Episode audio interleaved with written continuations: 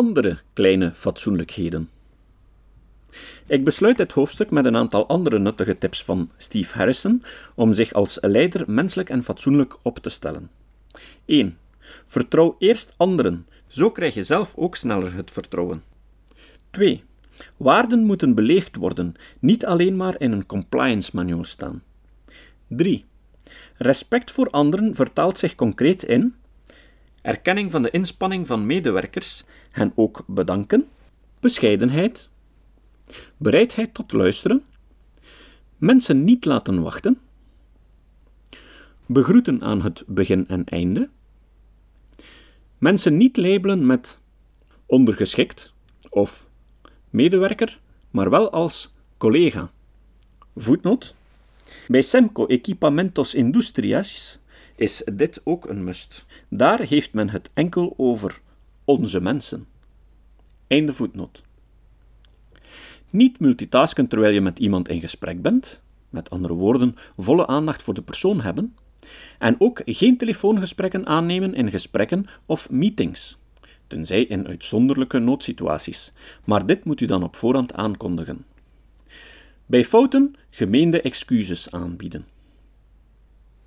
Het laatste punt is interessant, want in Amerika komt men stilaan tot het besef dat de overjuridisering van de samenleving voor enorme problemen heeft gezorgd.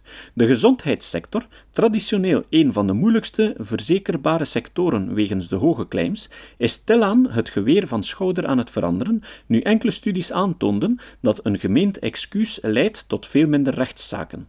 Robbenholt 2006 Daardoor werden in Californië, Massachusetts en Texas wetten aangenomen waardoor men zich kan verontschuldigen zonder dat dit een juridische schuldbekentenis inhoudt.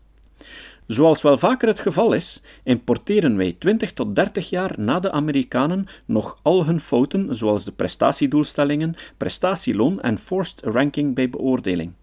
Ik zie het dan ook met ledenogen aan dat we hier nog even de weg opgaan van de alsmaar dikkere contracten, raamakkoorden en dergelijke. De klantgerichtheid is ver, heel ver te zoeken bij sommige bedrijven. En excuses voor onvrijwillige fouten en vergissingen zie je maar zelden. Heb je Lippens, Vautron of Mittler hun excuses horen aanbieden? Nochtans is het aanbieden van excuses aan klanten of personeelsleden een must. Het draagt bij tot de perceptie van fairness en het herstel van vertrouwen.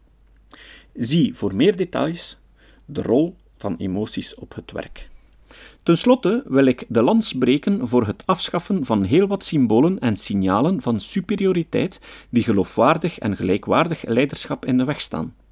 Is het bijvoorbeeld echt nodig om aparte bedrijfsrestaurants te hebben voor de directie, het kader en het plebs? Moet men echt aparte doucheruimtes en fitnesszones hebben? Brengt het een bedrijf nu echt verder wanneer de topmanager vele malen meer dan tien keer het laagste loon verdient? Om het met Harrison te zeggen: Pompeusheid is contraproductief in de moderne vlakke organisaties. Bladzijde 111. Hij laat vijf CEO's aan het woord die zijn mening delen. Zeg dat ook zij het gezegd hebben.